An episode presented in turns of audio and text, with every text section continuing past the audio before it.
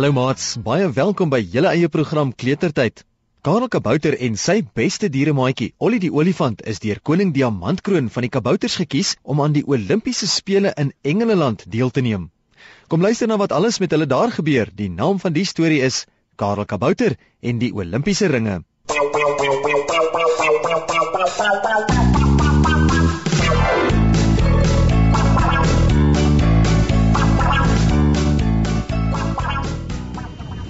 Karel Kabouter kyk na Ollie die olifant wat vas aan die slaap is op die stoel langs aan hom in die vliegtyg. Hulle vlieg al 'n hele paar uur op pad na Engeland vir die Olimpiese spele waar hy en Ollie saam met die ander kabouters en diere gaan deelneem. Op Ollie se bors lê 'n boekie oor die Olimpiese spele met die vyf mooi gekleurde Olimpiese ringe buite-op. Dit is doodstil in die vliegtyg. Almal slaap. Jy hoor net die sagte dreuning van die vliegtyg se engines. Karel, wat op die stoel langs die paadjie sit, is bekommerd. Hy kyk af in die gangetjie na die snaakse figuur wat 'n entjie agter hulle sit. Vandat hulle op die vliegtuig geklim het, het die figuur 'n jas aangetree wat hy styf om sy lyf gevou het met 'n groot breërand hoed wat hy diep oor sy oë met donker brille daarop getrek het. Dit voel vir Karel Kabouter nie reg nie. Hoekom sal iemand sy hoed ophou in die vliegtuig waar die son nie skyn nie? Sy jas aanhou terwyl dit baie warm in die vliegtuig is en sy donkerbril op sy oë hou terwyl daar elektriese ligte skyn. Die snaakse figuur praat ook met niemand nie. Hy eet niks nie. Hy kyk net voor hom uit. Karel Kabouter se hartjie klop nou vinnig. Hy het al so baie gehoor van mense wat vliegtye steel. Sê nou hierdie figuur wil ook dit doen. Karel stamp met sy elleboog in Ollie se sy dat hy moet wakker word.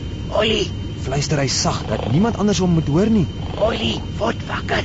Ek is bekommerd dat ons dalk 'n kaper op die vliegtuig het. Word wakker. Ollie die olifant gee 'n snork en hy sit met 'n ruk regop.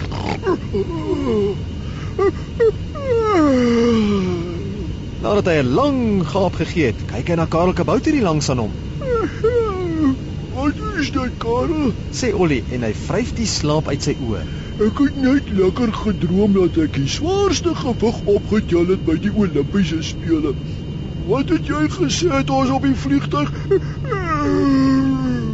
Karel Kabouter sit sy vinger voor sy mond om te wys dat Ollie nie so hard moet praat nie. Ollie. Sê Karel en loer weer met die gangetjie af. Die snaakse figuur het sy kop effe opgetel en Karel sien dat hy in hulle rigting kyk. Het hy dalk vir Ollie hoor praat? Ons moet saggies praat, Ollie. Bedui hy en vat Ollie aan sy arm.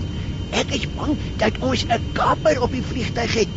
Daar is 'n snaakse figuur eentjie hier agter ons met 'n jas, 'n hoed en 'n donker bril. Ollie skuif vorentoe in sy stoel, stoot hom met sy arms op en loer agtertoe oor die mense. Hy swaai sy groot ore vorentoe en agtertoe, Wat is 'n ka 'n kapper? 'n Kapper, Karel? sê Ollie. Ek hoor nie iemand aan die vliegtuig kap nie. Dis seker omdat hy 'n jas aan het met 'n hoed op sy kop dat hy nie mooi kan sien hoe en waar om te kap nie. Karel Kabouter trek vir Ollie aan sy arm af sodat hy weer op sy stoel sit. Sit, Ollie, moenie so loer nie. Fluister Karel benoud. Net nou hoor die kaper jou. Ollie die olifant frons kwaai, Nee, ek verstaan nou nie mooi die Karel. sê hy en hy skud sy kop. Die ka kapper, kapper kan ons nie hoor nie. Ons sal hom hoor as hy kap. Karel Kabouter sug. Dit is baie keer moeilik as Ollie nie altyd verstaan wat hy sê nie. Nee, Ollie. Fluister hy. Dis nie 'n kapper nie, maar 'n kaper. 'n Kaper is iemand wat op 'n vliegtuig klim en dit dan steel en met al die mense na 'n ander plek vlieg as waarheen hulle wil gaan. Ollie die olifant kyk na Karel. Ek wil nie na 'n ander plek toe gaan nie, Karel. Sê hy en hy frons kwaai. Ek wil na Engeland gaan vir die Olimpiese spele. En as iemand hier op die vliegtuig wil kap om ons te keer, sal hy met my te doen kry. Ek sal hom sommer nou gaan vertel dat ek hom nie sal toelaat om die vliegtuig te kap dat ons nie na Engeland kan gaan nie. Omdat hy kwaad is, praat Ollie al hoe harder. Karel Kabouter waai met sy hande en wys vir Ollie dat hy moet sagter praat. Ollie wil opstaan, maar Karel trek hom af. Nee, Ollie, Fluister Karel en hy skud sy kop. die man is nie 'n kapper nie. Ons weet ook nie of hy dalk 'n kaper is nie. Kom ons hou hom eers dop. As dit lyk of hy die vliegtuig wil steel, dan kan jy hom gaan keer. Ons moet net versigtig wees want kapers kan baie gevaarlik wees. Karel Kabouter loer weer in die gang af na waar die vreemde figuur sit. Hy skrik groot. Die sitplek is leeg. Die figuur is nie meer daar nie. Karel kyk benoud op en af in die gang, maar die figuur met die jas, hoed en donker bril is nêrens te sien nie. Toe sien hy die gordyn waar agter die kombuis van die vliegtyg is, stadig oopskuif. Die volgende oomblik stap die figuur by die gordyne uit. Voor hom stoot hy die lugwaardin met haar hande wat hy styf vashou agter haar rug. Sy skop en ruk en pluk om los te kom en skree so hard as wat sy kan. Die figuur druk haar mond toe en hy kyk deur sy donker bril heen en weer oor die mense in die vliegtyg wat almal regop sit om te sien waarom die lugwaardin so skree. Hierdie vliegtyg sal nou gaan waarheen ek sê dit moet gaan. Roep hy in 'n grouwe stem. Die figuur druk die lugwaardin voor hom uit tot by die ry waarin Karel Kabouter en Ollie die olifant sit. Ons gaan nie Engele land toe vir die Olimpiese spele nie, olifant. Sê hy terwyl hy na Ollie kyk. Ek het jou net nou oor groot praat dat jy my sal keer, maar daar is niks wat jy kan doen nie. Jy en almal op die vliegtyg gaan saam na my land in die woestyn waar my mense bly. Ons kort vliegtye soos hierdie en ons kort mense soos julle om vir ons te kom werk. Dis net geldmors om na die Olimpiese spele te gaan. Ollie die olifant wil opspring en die figuur gryp, maar Karel druk hom terug. Probeer net iets, olifant, dan kry hierdie ligwarden seer. Sê die figuur en staan 'n tree terug in die gang. Karel Kabouter frons soos hy dink. Hierdie figuur is toe al die tyd 'n kaper. Hulle sal iets moet doen as hulle hom wil keer om hulle in 'n ander rigting te laat vlieg. Karel kyk vinnig na Ollie en hy knip sy oog. Toe staan hy op in sy stoel en skuif uit in die gang. Meneer Kaper, sê Karel en beduie agter sy rug sodat die kaper hom nie kan sien nie vir Ollie om nader te skuif. Moenie die ligwarden seermaak nie. Ek sal vir die loods wat die vliegtyg bestuur gaan sê om na die woestyn te vlieg soos jy wil hê.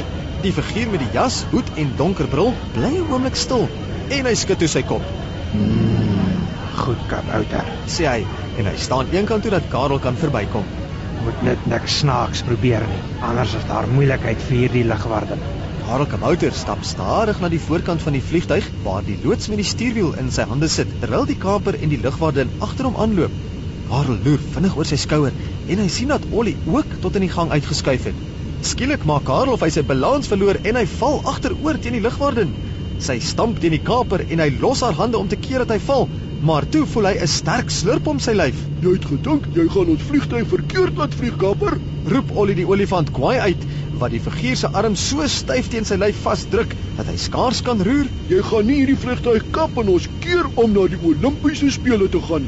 Die kaper skop en hy skree en hy probeer losruk. Los my, los my. Ek en my vriende gaan keer dat daar 'n Olimpiese spele is. Dis geldmors. Ollie druk die kaper se mond toe en Karel Kabouter en van die ander mense in die vliegtyg bind die kaper se hande en voete vas en laat hom heel agter op 'n stoel in die vliegtyg sit. Toe die vliegtyg op die lughawe in Engeleland land, gee hulle hom aan die polisie om in die tronk te sit. Maar wat nie Karel Kabouter of Ollie die olifant of enige van die ander mense in die vliegtyg sien nie, is die klomp figure met jasse, hoede en donker brille binne in die lughawe gebou wat onder die wit vlaag met die 5 Olimpiese ringe daarop vir hulle staan en kyk.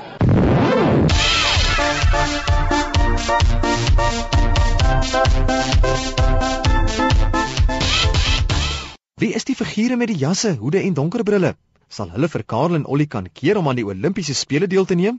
Kom luister volgende keer verder na Karel Kabouter en die Olimpiese ringe.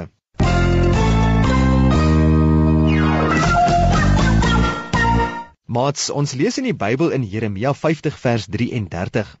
Die deur wie hulle gevange gehou word, hou hulle vas en weier om hulle vry te laat. Maar hulle beskermer is almagtig. Sy naam is die Here die Almagtige. Die duiwel wil so graag vir jou en vir my wat lief is vir die Here vang om vir hom te lewe en te werk. Hy wil ook nie hê dat ons hemel toe moet gaan nie. Maar die Here is sterker as die duiwel en help ons om nie in die duiwel se kloue te beland nie. Die Here beskerm jou en vir my elke liewe dag. Ek groet tot volgende keer. Totsiens.